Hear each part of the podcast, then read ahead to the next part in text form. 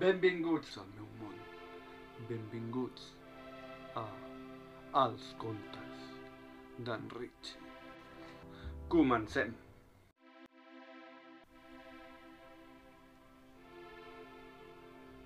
Anime, còmics, periodisme. Aquest matí, tornant cap a casa, he vist una botiga de segona mà que mai havia vist. I mira que he passat gairebé sempre per davant. Com pot ser que just avui m'hi fixés? Doncs molt senzill. A fora he vist un cartell que deia el dia 11 de gener tancarem la botiga per jubilació. I avui som diumenge 7, haig d'entrar-hi ja, m'he dit. Així que sense pensar-m'ho dues vegades hi he entrat. De cop m'he entristit. A aquella botiga li faltaven pocs dies perquè tanqués. En aquell moment s'havia tornat amb la meva botiga predilecta.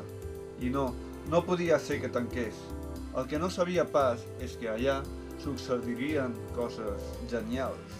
No us passa que de vegades esteu fent una col·lecció de manga i us en falta un exemplar del mig? Doncs a mi em faltava el número 9 de 15, però justament allà hi era. Tenien el número del manga que em faltava per acabar la col·lecció. Els altres no hi eren, només el que justament em faltava a mi. No ho trobeu increïble? Perquè jo sí. Així que vols aquest còmic? M'ha dit aquest matí el venedor, en veure que m'apropava a la caixa. Tot i que ell no sabia que al còmic japonès li diuen manga, el venedor era molt simpàtic, així que no li he dit, és un manga. No li he dit, ja que no m'agrada discutir amb ningú, i menys amb una persona amable. El manga que he comprat tracta de com es viu fent periodisme al Japó. Ha sigut una sort trobar-lo, ja que normalment és molt difícil i car de trobar. Així que vols aquest còmic? Sí, me l'emporto, li he dit. En tinc més, de còmics, ha afegit. I aleshores li he explicat això que us acabo de dir, de que era el número que a mi em faltava i que per això no en volia més, que amb aquell ja era feliç. També li he suplicat que no tanqués la botiga, ja que era tot un descobriment per mi i que em tenia meravellat. Ell m'ha explicat que es jubilava i jo li he dit que ja ho sabia perquè ho havia llegit a fora i que si no hagués estat pel cartell no hauria trobat la botiga. Després d'acomiadar-me, quan estava a punt de marxar, m'he fixat en els VHS que estaven a prop de la porta i m'ha dit No voldries pas algun VHS? Te'ls venc per un euro. Tria i remena. Tinc tot el temps del món. I allà he estat molta estona, mirant el prestatge ple de cintes de VHS. He agafat 20 cintes de VHS, 10 de terror, 2 de ciència-ficció, 3 d'anime i 5 d'animació stop motion. En veure'm tan carregat, m'ha dit Noi, em sembla que no les podràs portar a casa si no tens una bossa. No tindràs pas una bossa? Li he preguntat. Tinc una cosa millor, m'ha dit. El què? Li he preguntat. Al final hem arribat a un acord. M'ho quedo tot! I us preguntareu, com t'ho faràs per endur-t'ho tot cap a casa? I la resposta és ben senzilla. No m'ho emportaré, la cosa ha anat així. Tinc una cosa millor, m'ha dit. El què? Li he preguntat. I en aquell moment els ulls m'han començat a brillar i li he dit que sí, que sí que la volia. I és per això que ara sóc el propietari d'una botiga de productes de segona mà. Estàs escoltant Els contes d'en Richie. La pastilla de la immortalitat. Sort que et trobo. Si estàs escoltant això, vol dir que ets l'única persona que em pot ajudar. Abans, però, t'haig de posar en situació. Tot va començar l'any 2059, quan uns doctors van trobar, segons ells, la cura de la mortalitat. Aquell dia va sortir l'anunci a la televisió. Eternity, la pastilla de la immortalitat. Ja és aquí la pastilla que canviarà el món per sempre. Una pastilla que farà que duris un dia més. T'han diagnosticat 3 dies de vida? No pateixis, al tercer dia et prens una de les pastilles Eternity i viuràs un dia més, i així cada dia. per fi podràs ser immortal. A més, amb aquestes pastilles no et cal menjar ni beure ni dormir. D'aquesta manera podràs dedicar més temps a les teves aficions i a la teva família. Ja no has de patir per res, perquè són a l'abast de tothom. Per només un dòlar al mes t'enviarem 35 pastilles. Truca ara i aprofita la promoció. Promoció vàlida sense cancel·lar la subscripció. Un cop cancel·li si vulguis tornar, seran 2 dòlars per 35 pastilles. Dies més tard de l'emissió del primer anunci de sortir a les notícies, l'empresa va entrar en borsa. No paraven de sortir notícies per la ràdio, televisió, internet i diaris. Les pastilles Eternity han triomfat! Les pastilles Eternity entren en borsa! Tothom ja en coneixia l'existència i tothom en volia comprar.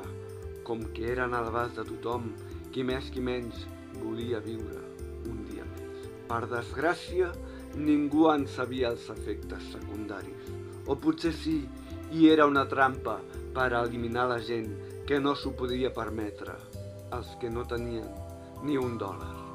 Per fer les pastilles portaven els ingredients amb diferents vaixells, perquè estaven repartits per tot el món. Un cop arribaven tots els ingredients a un mateix lloc, el doctor que les va inventar els barrejava. Sempre encarregaven el mateix ingredient extra, que a l'hora de la veritat mai no feien servir.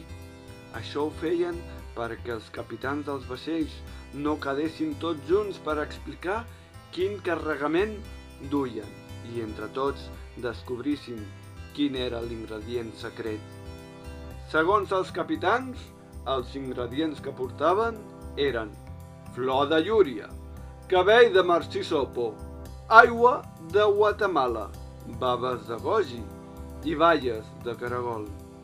Però un dia va passar una desgràcia. No sabem si expressament o sense voler, però un dels vaixells es va enfonsar. Aquell vaixell tenia un dels ingredients necessaris. Van tardar a portar-ne més perquè havien de fer una altra remesa amb els mateixos ingredients de tots els vaixells perquè no es descobrís si aquell ingredient era necessari o no. Però això només va fer que el preu s'apugés uns 15 dòlars.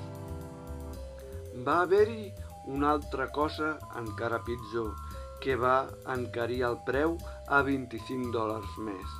Els comerciants van idear un pla per descobrir quin era l'ingredient secret. Per aconseguir-ho, cada cop que fessin una comanda nova, un d'ells deia que se li havien acabat les provisions i que no en tindria fins aquí a un mes.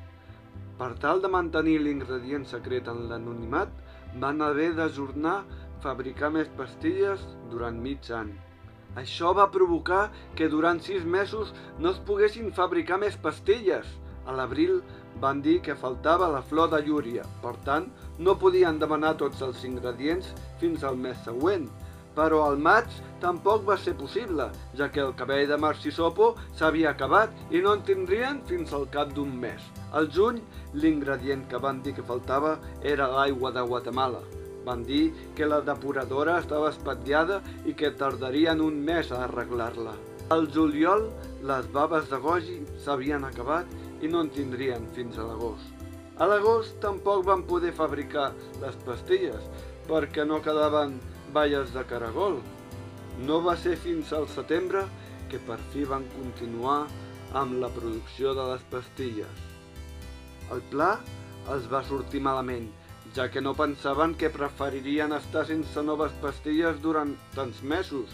Creien que quan sortís la tramesa amb l'ingredient fals, acceptarien la comanda per poder seguir fent més pastilles. Tant mesos sense crear pastilles noves va crear molts mals de cap. Les botigues aviat es quedaven sense remeses i així va ser com van a posar el preu 25 dòlars més. Però això no és tot. Més tard, els preus van arribar als 1.000 dòlars. A la televisió ja feia mesos que hi havia un debat que tractava sobre les morts de molta gent. Persones que no compraven més pastilles, però tothom creia que eren suposicions, de fanàtics que volien deixar en ridícul el creador de les pastilles. No obstant això, quan la gran majoria de botigues s'havien quedat sense estoc i l'empresa estava a punt de fabricar-ne de noves, a l'inventor de les pastilles també se li van acabar i va morir. Tot i que també hi ha rumors que diuen que el van matar. Ara ja ningú no sabia quin ingredient sobrava i ja no s'han pogut crear més pastilles. Aquell dia van passar moltes coses. A la televisió, a part d'anunciar que el creador havia mort, després de quedar-se sense pastilles, també van dir que si no te'n prenies, acabaries morint. Però el problema més greu era que ell era l'únic que sabia quin era l'ingredient secret. Aleshores van saber que aquell debat era real. I com que la gent tenia por i escassejaven les pastilles, els preus es van disparar al 98%. Ara tothom volia viure. Tothom va començar a lluitar per aconseguir ni que fos una sola pastilla per poder aconseguir viure un dia més. Recordes l'anunci? Ja és aquí, la pastilla que canviarà el món per sempre. Una pastilla que farà que duris un dia més. Sí, l'eslògan ja era aquest i no s'equivocaven pas. El cas és que els efectes secundaris, fins fa poc desconeguts, són els següents. Un cop deixes de prendre la pastilla, et mors. És el substitut d'una part vital del teu cos. Ara que les pastilles són impossibles d'aconseguir, el preu s'ha encarit molt. N'hi ha molt poques i ja no se'n poden fabricar més. Estem perduts. Per això estic aquí enviant aquest comunicat al passat, per veure si algú pot evitar que creïn aquestes pastilles tan miraculoses i perilloses al mateix temps. I aquest algú ets tu. Tu ets l'elegit. Si has sentit aquest missatge, ens has d'ajudar a salvar el planeta. Fes que no arribin a crear mai aquestes pastilles, si us plau. Tu pots. Gràcies. Fi de la transmissió.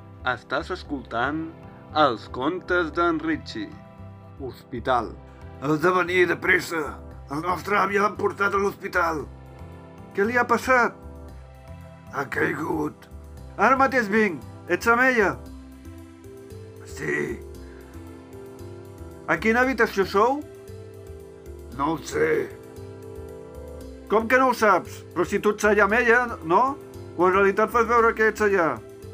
És així? Que sí que hi he anat. La seva habitació és... no ho sé. I altre cop amb el no ho sé? Encara hauré de trucar a l'hospital per preguntar-ho. Truca, et diran el mateix que jo, ja que a mi també m'ha costat entendre que l'habitació era... no ho sé. Mira, quan ho sàpigues em dius alguna cosa, que no està la cosa per bromes. No, si no fas broma. Ja ho sé. Ara ja ho saps? No, vull dir, sí, vull dir que ja sé com dir-t'ho perquè ho entenguis. Està a l'habitació número 9, lletra C. Ah, ostres, perdó, que pensava que et burlaves de mi. Ara entenc perquè no t'entenia cada cop que dies, no ho sé. Et referies al número 9 i la lletra C? Perdó per no haver-ho entès fins ara. Bé, ja estic arribant a l'hospital. Fins ara. Estàs escoltant els contes d'en Richie. Clàssic, rutina, agradable. Era un dia agradable. No feia vent ni calor extrema. La rutina s'havia acabat aquell mateix dia. Per fi començaria una reunió que tot ho canviaria, o això era el que creia. Aquell dia vaig anar a la feina sense els pantalons. Me'ls havia deixat a casa i ningú me n'havia dit res. De fet, jo pensava que els duia a la maleta i així els hi ho vaig fer saber. Has portat els pantalons? Oh, i tant, els tinc a la maleta. Ja veureu com aquest model que he dissenyat té un estil molt clàssic i espectacular. Aleshores, en obrir la maleta, vaig descobrir que me'ls havia deixat. Ja no hi havia marxa enrere.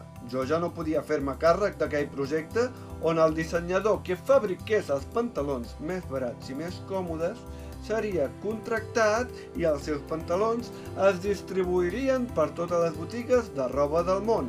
I com que me'ls vaig deixar, no vaig ser pas jo la persona en posar els meus pantalons a moda.